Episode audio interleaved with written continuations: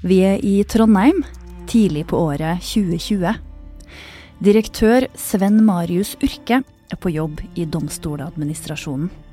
Og jeg fikk bekymringsmeldinger. Bekymringsmeldingene kommer fra kollegaen til Sven Marius, som sitter i forhandlinger med Polen. Vi var jo på vei til å planlegge en ny periode med samarbeid mellom Polen og Norge i dette EØS-samarbeidet. Gjennom EØS har Norge hatt et samarbeid med Polen om domstolene i mange år. Men nå har forhandlingene om en ny avtale tilspissa seg. Vi fikk ganske mange sånn Nei, vi kan ikke jobbe med Polen. Eh, vi må trekke oss ut. For den polske regjeringa er i ferd med å ødelegge demokratiet i landet sitt. Og hvor er det best å prøve å motarbeide det? Innafor eller utafor? Sven Marius er i tvil. Bør han råde styret til å fortsette samarbeidet med Polen, eller trekke seg ut?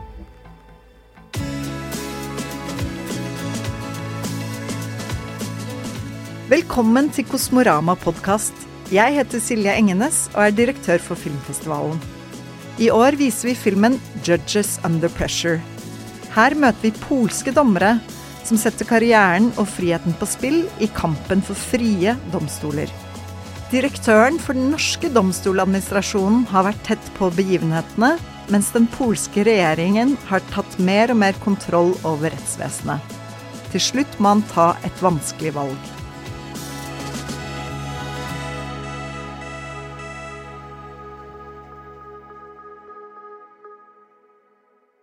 Kampen for eh, uavhengige domstoler er helt grunnleggende for å sikre at menneskerettighetene respekteres.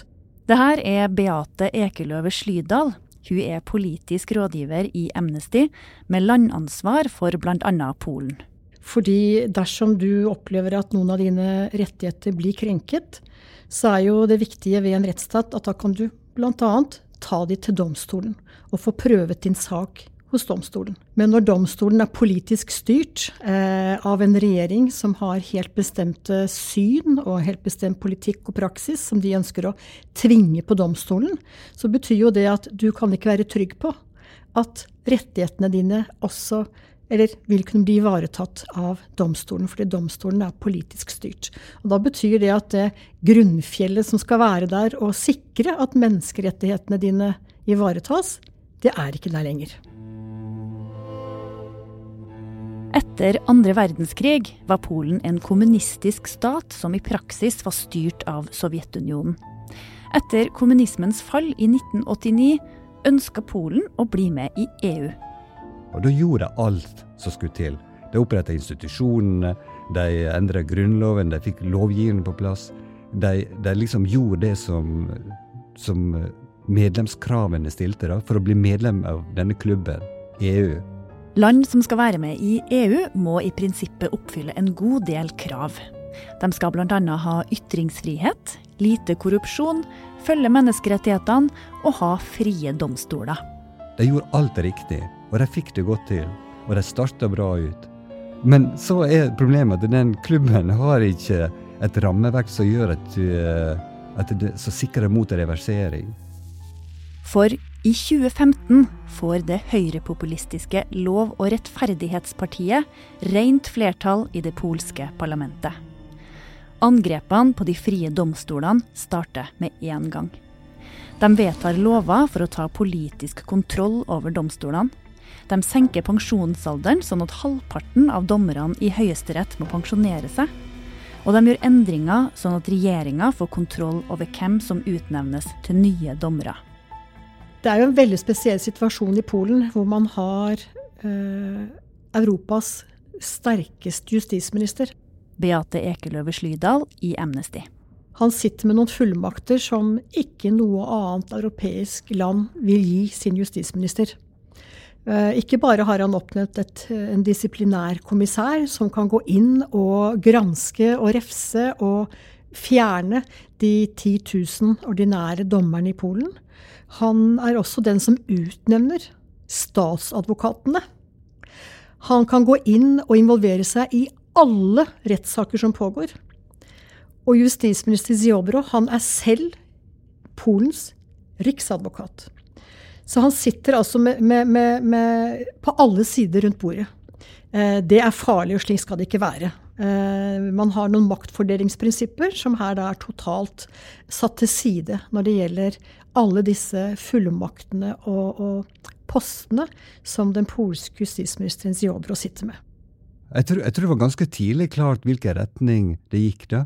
Domstoladministrasjonen ser tidlig hva som er i ferd med å skje i Polen. Men i de første årene av styret til Lov- og rettferdighetspartiet mener direktør Sven Marius Urke likevel det er viktig for Norge å være til stede i Polen. Så er jo det sånn at en tenker at ok, hvis vi fortsetter å jobbe her, så kan vi overtale, vi kan påvirke. Jeg tror jo så grunnleggende på at en må jobbe, jobbe, med land Altså, Grunnen til at det var, i Polen, er jo at ikke ting er i orden der. Det er jo et såkalt country in transition som skulle, skulle, på en måte komme seg fra kommunistkultur til en uh, demokratikultur, der dette med domstolenes uavhengighet er viktig. Og da vil jo det være tilbakeslag. altså Det vil være litt framgang, ett skritt frem, to tilbake. Og Hvis det ikke er det, så ser du ikke mulighetene heller. Men det blir bare verre. Så er det et veldig sterkt press på dette med eh, kvinners rettigheter. Retten til frie og trygge abort, f.eks. Rettighetene til LHBTI-personer. Eh, så dette her med likestilling, mangfold osv. er under et veldig sterkt press eh, i Polen. Og dem som utfordrer regjeringa ved å stå opp for disse rettighetene, tar en stor risiko. To kvinner som Det var en stor markering i Polen som som var i regi av det man kanskje vil kunne kalle ganske sånne ytre høyreradikale eh, personer. Eh, som nettopp da var opptatt av dette her med, eh, med family fate and fatherland. Eh, og som hadde noen, noen slogans som var veldig kritiske til eh, eh LHBTI-personer, f.eks. Eh, hvor viktig det var at ikke aborter skulle skje, osv. Hvor disse to kvinnene da valgte var ganske modig gjort. De valgte da å ha med seg sitt eget banner. Gikk inn i denne mengden av primært da eh, ganske aggressive eh, menn. Tok fram banneret sitt, hvor det jo står da at eh, alles rettigheter skal respekteres. Og ble banket opp, disse mennene. De anmeldte da den volden de ble utsatt for. Men istedenfor at de mennene som da banket dem opp fordi disse kvinnene brukte sin ytringsfrihet, så var det kvinnene som ble anmeldt for å ha skapt eh, uro i det offentlige rom.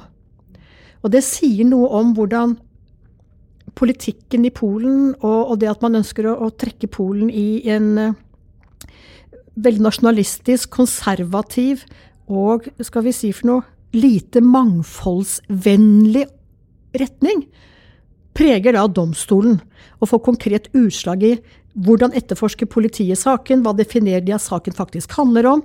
Hva slags type sak, anmeldelse, er det som ender i domstolen? Men mange dommere i Polen nekter å være lojal overfor andre enn loven.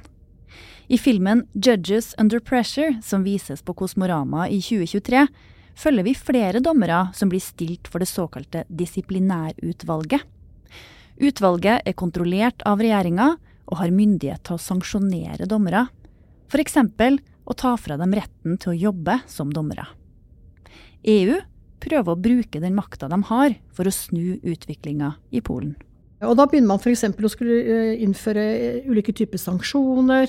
Eh, F.eks. si at de store økonomiske overføringene, altså støtten som Polen får gjennom sitt medlemskap i Polen, risikerer man å holde tilbake eller drastisk redusere dersom ikke Polen følger sine internasjonale forpliktelser på menneskerettighetssiden og på rettsstatsprinsippsiden.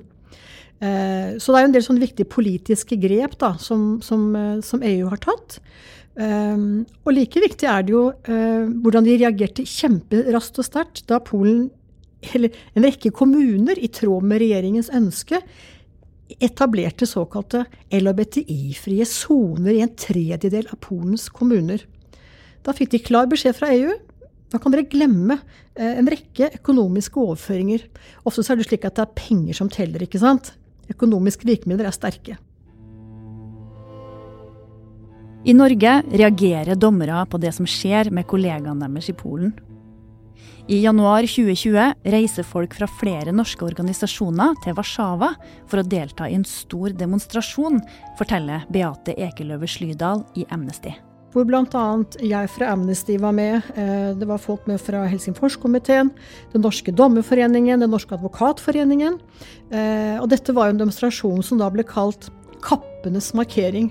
Fordi dette her handlet jo da om å skulle ha en markering til støtte for disse modige dommerne som, som insisterer på å skulle være uavhengige og ikke styrt av en politisk aktør som regjeringen i Polen.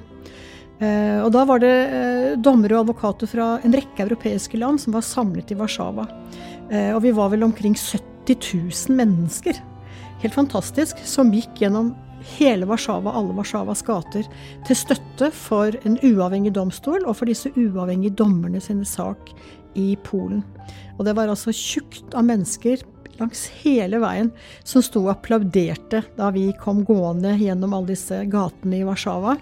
Og det er klart, jeg tror det er første gang, og jeg har vært med på en del demonstrasjoner i min tid, men dette er nok aller første gang eh, at jeg har vært med i en demonstrasjon hvor dommere er med å gå i demonstrasjon. Jeg vet ikke om noe lignende noe sted. Hvor dommerne da hadde på seg sine dommerkapper. Veldig, veldig sterk markering. Og det er mot det her bakteppet direktør i Domstoladministrasjonen Sven Marius Urke gjør sine viktige vurderinger på nyåret 2020. Hvilket råd skal han gi til styret? Bør Norge fortsette eller avslutte EØS-samarbeidet om domstolene i Polen? Og det var også uenighet innad i huset her. Uh, jeg var kanskje den det satt lengst inne å avslutte samarbeidet. Jeg er jo ikke direkte involvert i disse forhandlingene. Det ble, gjøres av internasjonalt sekretariat her. Og de hadde samtaler med polske justisdepartementet og prøvde å få det til. Og jeg, jeg, jeg, tror det var ganske mange samtaler jeg hadde med dem der jeg sa at nei, dere må gå videre, dere må prøve, dere, vi må få det til. Vi må være der. Vi må være med å påvirke utviklinga i Polen. Fordi hvis alle bare trekkes ut, hva skjer da, liksom? Har ikke da egentlig Polen oppnådd eh, nettopp det de ønsker å oppnå? Altså det at en ikke kan fokusere på uavhengighet og fremelske det. Og er ikke det, er ikke det krefter i Polen som vi kan jobbe med? Og bare vi er der, bare vi er til stede, så vil vi på en måte kunne trekke inn de personene. da, men Polen er ikke interessert i at Norge skal blande seg inn i hvordan de styrer sine domstoler og bruker pengene de får. Polske myndigheter har jo hele tida hatt det utgangspunktet, eller de som er nå, da, at det her er bare noe Norge skal betale til Polen. Gi oss pengene, for dette er prisen for at dere får markedsadgang i EU. Så de ser på det her som en betaling for markedsadgang. Mens Norge har jo forhandla fram et ganske intrikat system med Norway Grants, en stor organisasjon, der vi ikke bare betaler, men vi gjør bestemte ting i, innad i EU-systemet. Og særlig det å bygge opp uh, innenfor flere fagområder uh, de tidligere, såkalt tidligere Øst-Europa. Men sånn situasjonen har blitt på starten av 2020, innser Sven Marius at det bare er én utvei.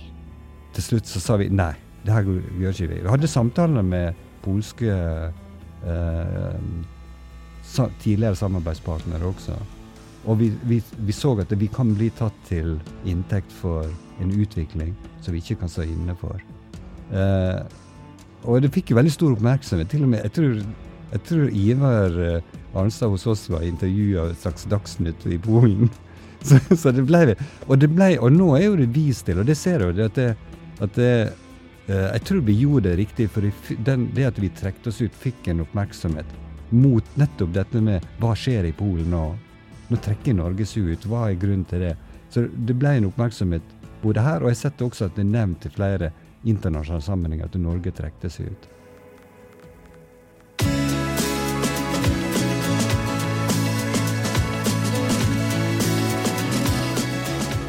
Du har hørt Kosmorama-podkast. Den er produsert av journalist Randi Lillealteren i Historiebruket. Podkasten er støttet av Fritt Ord.